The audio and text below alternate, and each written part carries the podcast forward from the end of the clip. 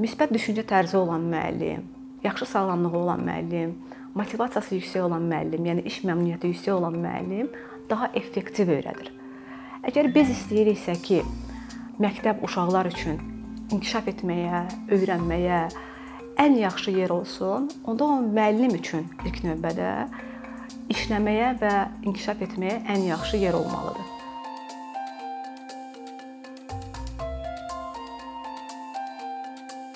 Müəllim rifahı nədir ümumiyyətlə? Bu söz birləşməsinin mənası bir ölkədən digər ölkəyə fərqlənirmi? Və niyə bu bir təhsil sistemində önəmlidir, digərində əhəmiyyətsizdir? Ümumiyyətlə rifah nədir? Rifah insanların sosial, emosional, psixoloji, fiziki mənəvi olaraq rahat hiss eləməsidir, sağlam olmasıdır. Və insanlar müəyyən çətinliklərlə üzləşəndə onların bir növ müəyyən resurslara malik olmalıdırlar. Psixoloji, fiziki, sosial ki, bu çətinliyi rahatlıqla qarşılaya bilsinlər. Və əgər adekvat resursları yoxdursa, o zaman onların mənəvi rifahı zərər görür. Və ə, təhsil belə bir sahədir ki, ən yüksək iş prosesində ən yüksək stress hiss olunur və bu üç peşədən biri hesab olunur, ə, deyək ki, müəllimlik. Və həmin ə, stresslər ə, daxili və xarici səbəblərdən yaranırlar. Müxtəlif səbəblərdən yarandığı üçün bizim onlarla e, mübarizə şəklimiz də müxtəlifdir. Xarici stresslər daha çoxdur. Məsələn, əlverişsiz iş mühiti, e, məktəb rəhbərliyi, dəstəkləyici olmayan e, belə deyək, kontingent. Buna bütün iş mühiti, məktəb rəhbərliyi hər bir daxildir. Və daha çox valideynlərlə və təhsil alanlarla yaxşı olmayan, xoş olmayan münasibətlər. Bunlar da xarici stresslər hesab olunur. Tədqiqatlar deyir ki, son dövrlərdə e, müəllimlərdə stress həyəcan verici e, deyə səviyyəyə çatmışdır. Məktəbin tipi önəmlidir. Məsəl üçün e, dövlət məktəbində və xüsusi məktəblərdə hardakı sağlamlıq imkanları məhdud uşaqlar oxuyurlar.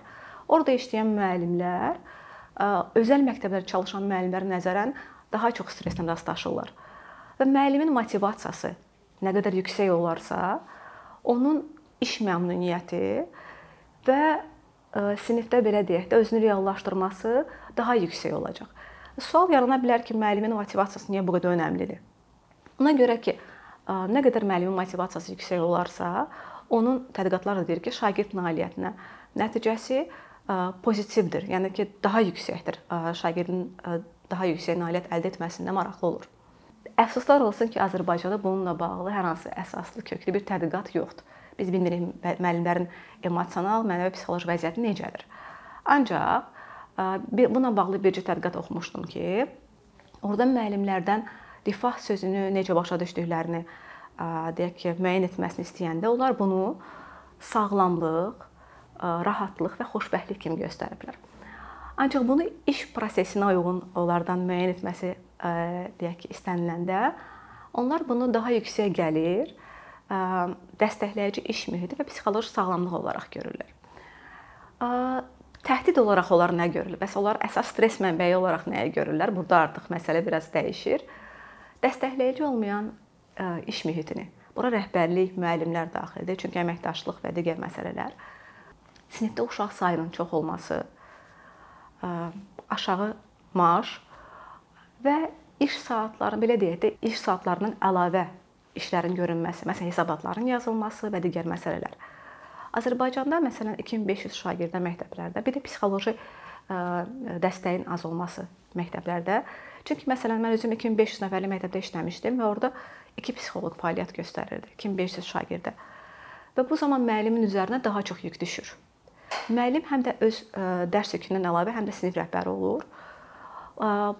Düşünün, baxın mən 18 saat dərs yüküm varsa, bir həftəlik Mən 18 saat dərs yükünün məvacibini alıram. Amma mən ayda 72 saat dərs keçirirəm 4 həftə ərzində. Bundan əlavə mənim əgər sinir rəhbərliyim varsa və digər məktəbin daxili və xarici işlərində işləməliyəm, fəaliyyət göstərməliyəm, tədbirlər hazırlamalıyam, uşaqları arası aparmalıyam və də dərsdən sonra uşaqları nəyisə hazırlamalıyam və digər məsələlər var. Məsələn, müəllimin dərsə hazırlama prosesi, tapşırıqların yoxlanması və ilaxır bunlar ödənilmir.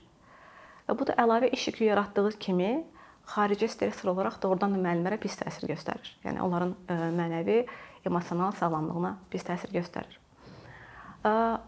2020-ci ildə Azərbaycanda Nazirlər Kabineti ə, təhsil müəssisələrində psixoloji xidmət adlı qaydalara dəyişikliklər eləmişdi və çox şad oldum ki, müasir təhsildə belə trend olan mövzuları ora daxil ediblər. Tutaq ki, özdəyər, şagirdlərin mənəvi psixoloji sağlamlığının qorunması və ilaxır. Ancaq burada belə deyək də, müəllimlə təhsil verəndən, yəni müəllimdən ancaq şagirdlərə dəstək olmaq üçün, yəni ki, onun orada adı keçir, müəllimin psixoloji sağlamlığı haqqında heç bir kəlmə yoxdur. Yəni ona heç dəstək yoxdur orada. Və məsələ bundadır ki, baxın, mən özüm müəllim olan müddətdə biz hər il fiziki olaraq yoxlamadan keçirdik. Mən başa düşürəm ki, yoluxucu məsələlərə görə biz şagirdlərlə təmasda oluruq və digər məsələləri yoxlamalıyıq. Amma heç kəs məndən tələb eləməmişdi ki, mən 14 ildə bir dəfə psixoloq görünüm. Yəni ki, bir psixoloji bir rəy gətirim. Çünki bilmirəm, yəni ki, mən belə fikirləşirəm ki, mənim fiziki sağlamlığımdan ziyadə psixoloji olaraq sağlam olmamağım, adekvat olmamağım uşaqlara uzun müddətdə daha çox ziyan vura bilər. Düşünürəm ki, bu nazirliyin diqqətində olmalıdır. Və başqa burada bir məsələ orada deyir ki, müəllimlər, yəni həmin o qaydalarda müəllimlər şagirdlərə mənəvi psixoloji dəstək olmalıdır. Burada mənim üçün belə bir sual yaranır. Əgər müəllim özü mənəvi psixoloji adekvat deyilsə, sağlam deyilsə, belə deyək də, onun özdəyər, özünü sevgi hissi aşağıdırsa, o həmin o şagirdi necə yönləndirə bilər? Necə istiqamətləndirə bilər? Necə dəstək ola bilər? Yəni məncə bu sualı o qaydaları qoyanlar fikirləşməlidirlər. Bu bu suallara cavab fikirləşməlidirlər. Mən özüm belə deyək də, özümə hörmət eləməliyəm, özümə dəyər verməliyəm, özümü sevməliyəm ki, mənim şagirdimə də bunu göstərim. Çünki müəllim nümunədir, rol modeldir, yəni ki, şagird ondan öyrənir. Bunu bütün tədqiqatlar deyir. Yəni uşaqlar sən nə göstərirsənsə onu öyrənirlər.